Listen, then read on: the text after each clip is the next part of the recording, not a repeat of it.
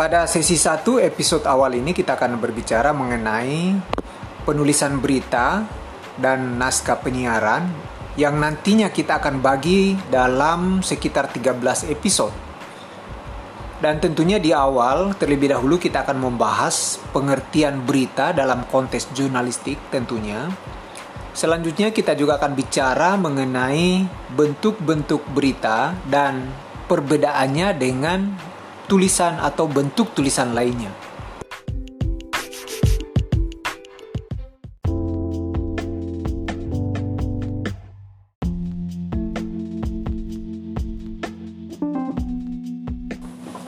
Hampir setiap hari kita menemukan atau mendapatkan berita yang di mana di era keterbukaan dan kemajuan teknologi informasi dan komunikasi dewasa ini bukan lagi sesuatu yang sulit untuk diperoleh dibanding misalnya di era-era sebelumnya.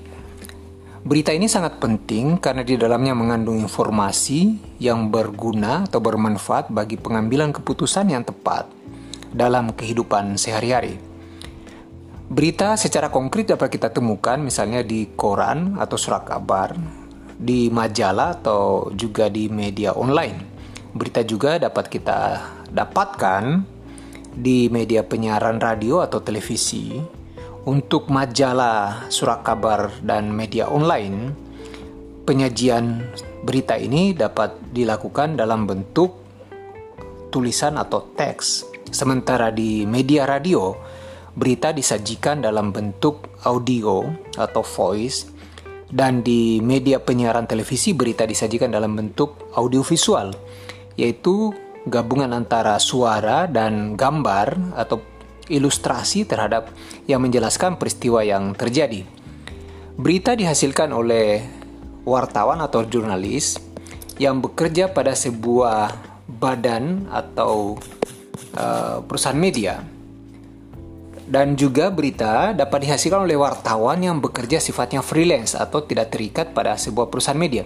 Namun keduanya harus tunduk pada ketentuan-ketentuan yang mengatur kegiatan jurnalis atau jurnalistik yaitu dalam hal ini tentu undang-undang pers, undang-undang atau KUHP yang berkaitan dengan delik-delik pers serta kode etik jurnalis atau kalau di media penyiaran ada namanya P3SPS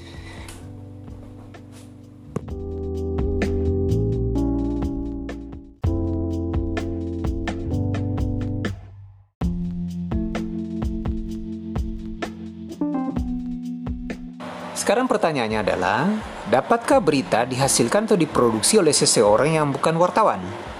Terkait hal ini dengan tegas dapat kita katakan bahwa dalam konteks jurnalistik, berita sudah pasti dihasilkan oleh mereka yang disebut sebagai jurnalis atau wartawan. Karena siapa pun itu, ketika ia melakukan kegiatan produksi berita melalui tahapan-tahapan yang sebagaimana ditentukan dalam ketentuan jurnalistik, mulai dari peliputan lapangan, pengumpulan bahan lapangan, kemudian wawancara narasumber, pengamatan fakta-fakta yang ada, kemudian proses produksi yang meliputi proses penulisan dan editing, dan proses terakhir adalah distribusi. Ketika itu semua dilakukan dengan kompetensi yang dimiliki, maka kemudian mereka itu dikategorikan sebagai wartawan terlepas apakah dia bekerja pada sebuah perusahaan media atau dia bersifat freelance. Salah satu yang menarik dalam berita adalah kita tidak akan menemukan opini dari penulisnya dan fakta-fakta yang disajikan di dalamnya dapat diverifikasi oleh siapa pun. Berita ini tentu harus mengandung informasi yang penting dan menarik bagi publik dan disajikan dalam bahasa yang jelas, aktual dan menarik.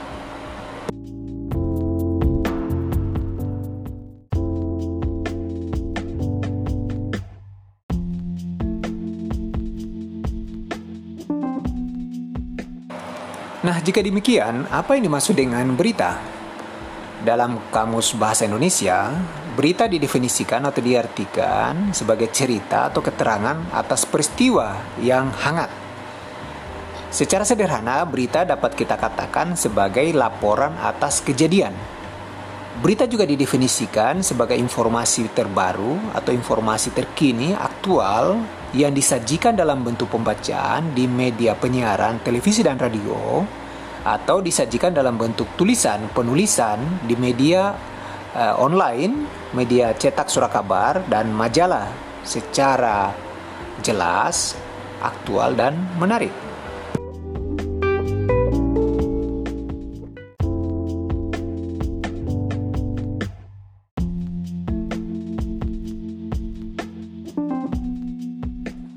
Sekarang kita sampai pada pembahasan bentuk-bentuk berita. Dalam dunia jurnalistik dikenal kurang lebih ada sekitar 10 bentuk berita.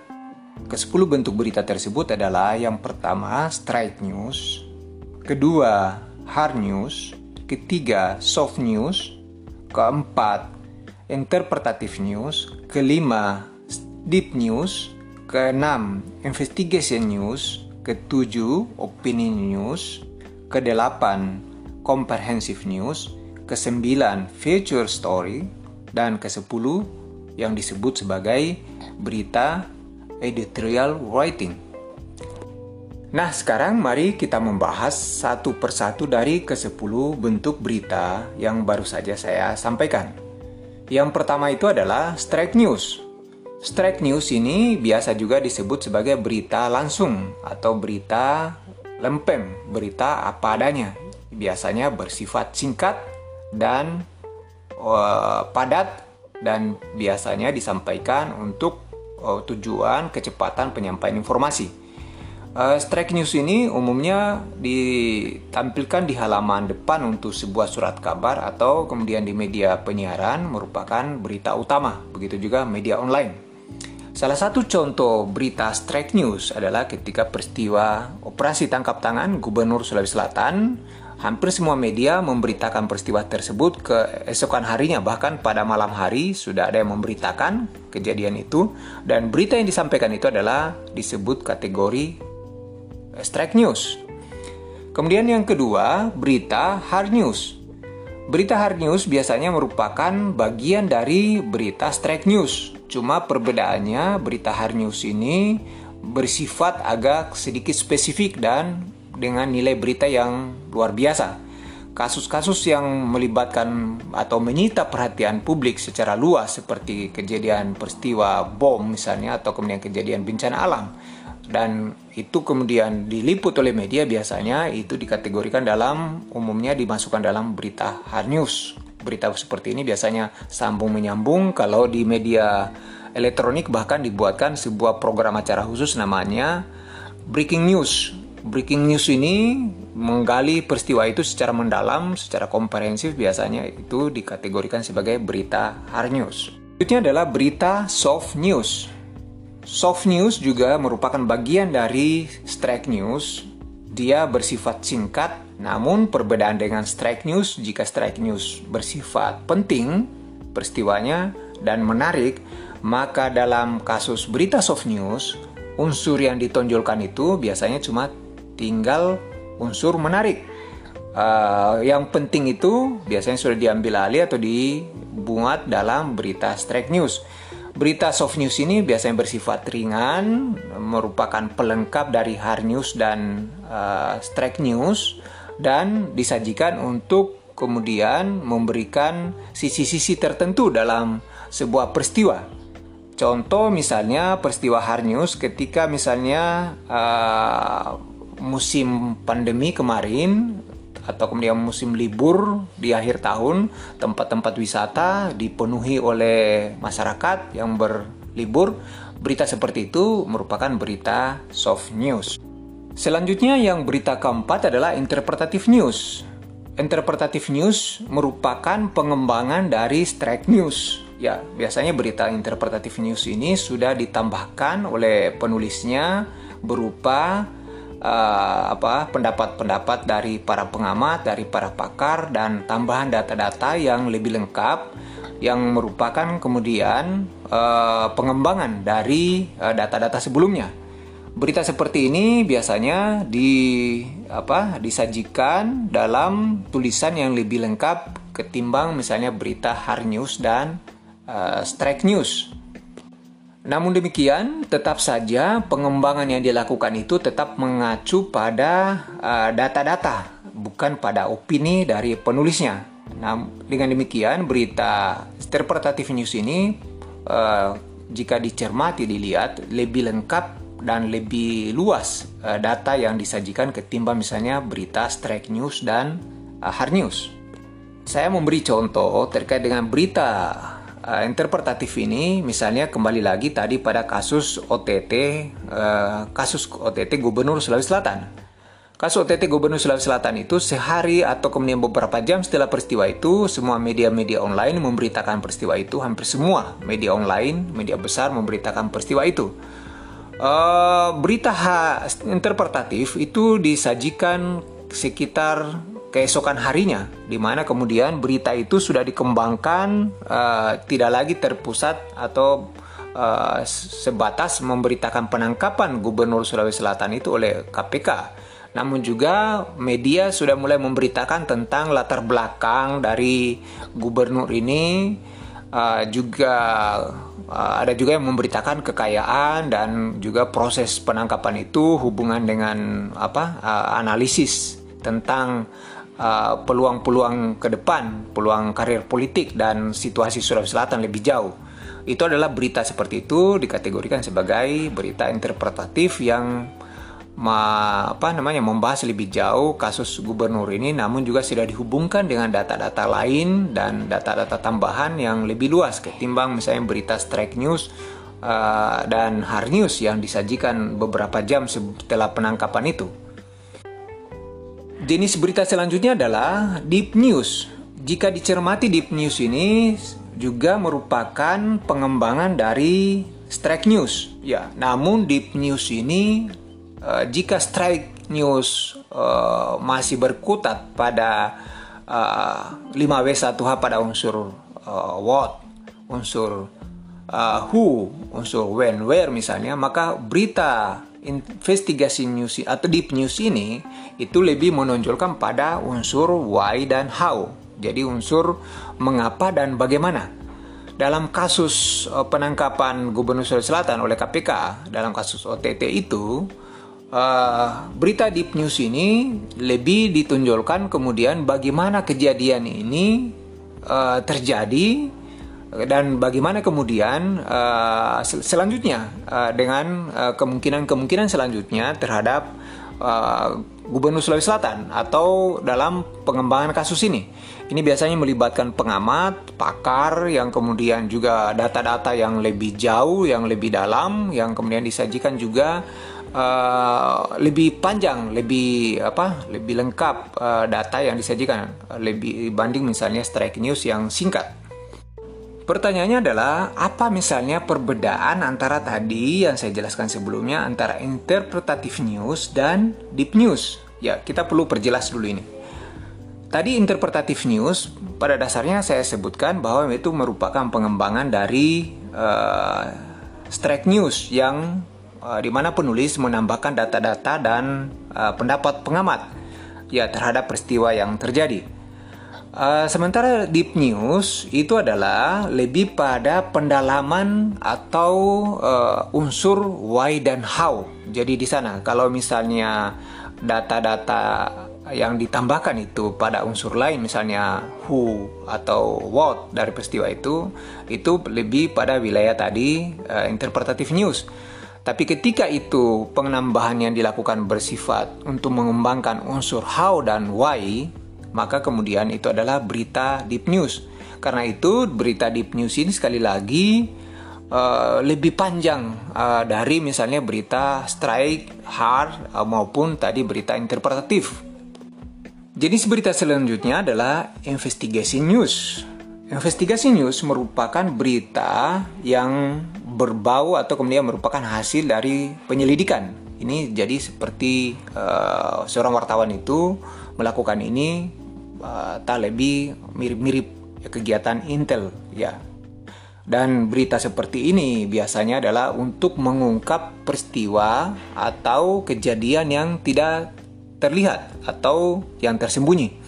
Dan ini tentu membutuhkan uh, apa namanya keberanian dan kehati-hatian perlunya kehati-hatian dari wartawan karena berita-berita seperti ini adalah menyangkut kasus-kasus besar dan uh, jika kita lihat di dunia atau kemudian juga di Indonesia berita-berita investigasi news uh, itu kemudian Uh, sudah banyak kejadian banyak wartawan kemudian ada yang terbunuh atau apa uh, juga berbahaya bagi keselamatan mereka. Salah satu contoh kasus investigasi news atau berita investigasi news adalah misalnya berita yang disajikan oleh media Republika dalam kasus penembakan anggota FPI atau juga kasus kerusuhan Jakarta sekitar tahun 19, 2019 kemarin. Berita-berita seperti ini itu membutuhkan penyelidikan mendalam dan eh, apa namanya sekali lagi uh, mengungkap peristiwa-peristiwa yang tidak diketahui secara umum atau secara uh, luas oleh masyarakat, oleh publik. Uh, dan bahkan berita-berita investigasi news di luar sana, di luar negeri, uh, ada yang sampai menjatuhkan seorang presiden. Dan ini membutuhkan sekali lagi membutuhkan keberanian, kompetensi yang bagus dari seorang wartawan dan tentu kemampuan melakukan pelacakan informasi yang berita-berita informasi-informasi itu tidak diketahui secara luas oleh masyarakat. Berita selanjutnya adalah jenis berita komprehensif news.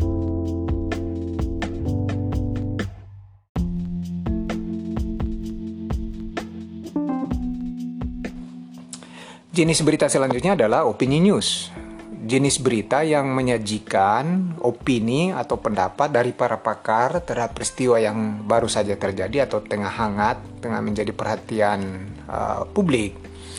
Jenis berita ini disajikan oleh seorang wartawan untuk memberikan atau seorang uh, jurnalis untuk memberikan gambaran terhadap kemungkinan-kemungkinan yang akan terjadi terhadap uh, atas peristiwa yang baru saja terjadi.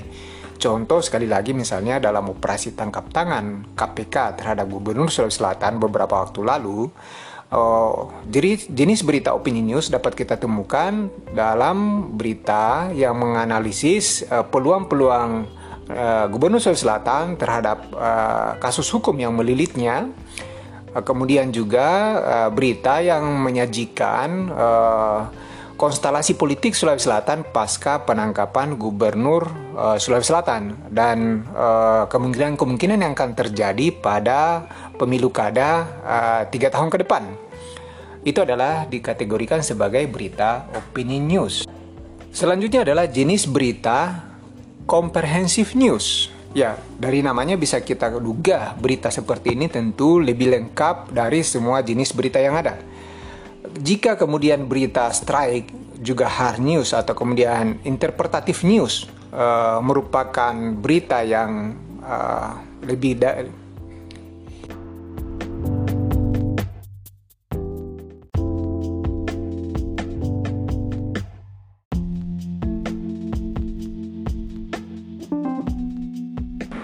Jenis berita selanjutnya adalah comprehensive news. Dari namanya bisa kita duga bahwa jenis berita ini tentu lebih lengkap, lebih utuh dibanding misalnya dengan jenis berita strike, hard news ataupun juga interpretatif news. Jenis berita ini disajikan untuk kemudian memberikan gambaran kepada publik secara utuh, secara lengkap terhadap peristiwa yang terjadi. Berita ini menghubungkan serpihan-serpihan informasi yang telah disajikan dalam bentuk berita lain sebelumnya menjadi sebuah bangunan cerita yang lebih uh, memberikan gambaran benang merah hubungan antara satu dengan lainnya secara jelas. Dengan demikian, berita komprehensif news di apa lebih uh, komprehensif penyajiannya lebih lengkap dengan kemudian data-data yang bersumber dari berbagai aspek. Selanjutnya adalah jenis berita future story Berita feature story uh, adalah berita yang menyajikan peristiwa lebih penonjolannya itu pada aspek uh, informasi yang menarik, bukan informasi yang penting. Uh, ini tentu berbeda dengan jenis-jenis berita yang lain, misalnya tadi berita strike, hard news, interpretatif, juga berita-berita investigation, juga berita tadi yang paling terakhir adalah komprehensif, berita yang disajikan lebih pada penonjolan aspek penting. Namun dalam feature story, wartawan atau jurnalis menyajikan informasi pada penonjolan aspek uh, menarik. Ya, berita-berita seperti ini disajikan memang untuk memberikan hiburan. Karena itu beritanya biasanya berbau humor, juga berbau hal-hal yang sifatnya ringan, juga kadang berita-berita ini uh, penonjolannya pada aspek humanisme yang menyentuh sisi-sisi kemanusiaan. Jenis berita terakhir adalah uh, editorial writing, uh, yaitu berita yang kemudian merupakan pendapat dari uh, apa namanya media atau pikiran dari sebuah media yang membahas kasus-kasus yang tengah menjadi perhatian publik.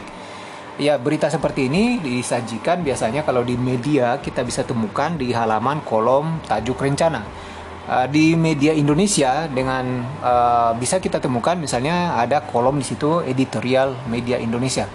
Jadi editorial writing ini adalah pendapat opini media. Media biasanya dilarang beropini, namun dalam uh, berita jenis berita editorial, media justru beropini terhadap peristiwa untuk memberikan gambaran kepada publik uh, sebenarnya apa yang terjadi. Jadi ini adalah merupakan berita pendapat media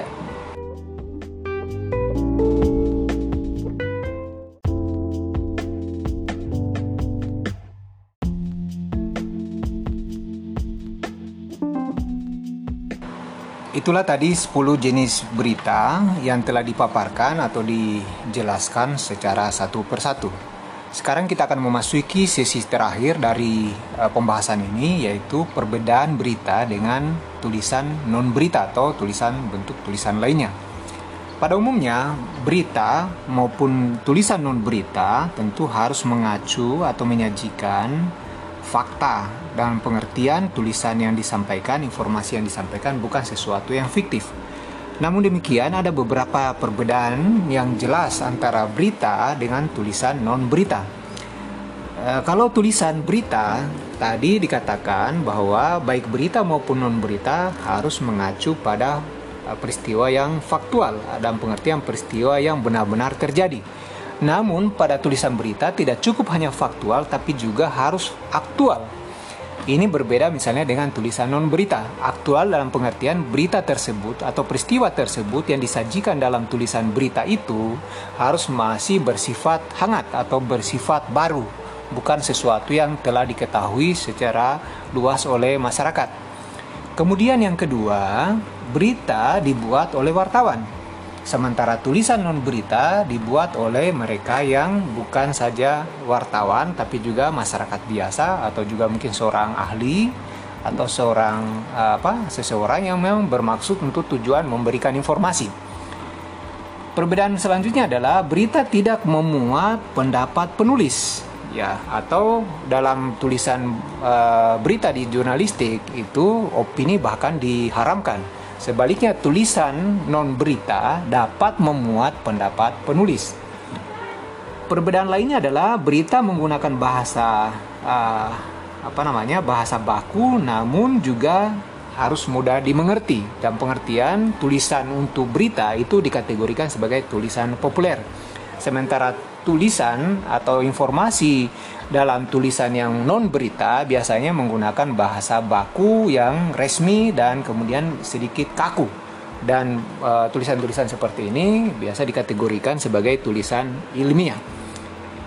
Per, uh, perbedaan selanjutnya adalah berita disajikan dengan menggunakan pokok tulisan disampaikan di awal atau kemudian hal-hal penting disampaikan di awal. Sementara tulisan non berita biasanya justru hal-hal penting itu disampaikan di terakhir atau di tengah bahkan sebagai menjadi sebuah kesimpulan.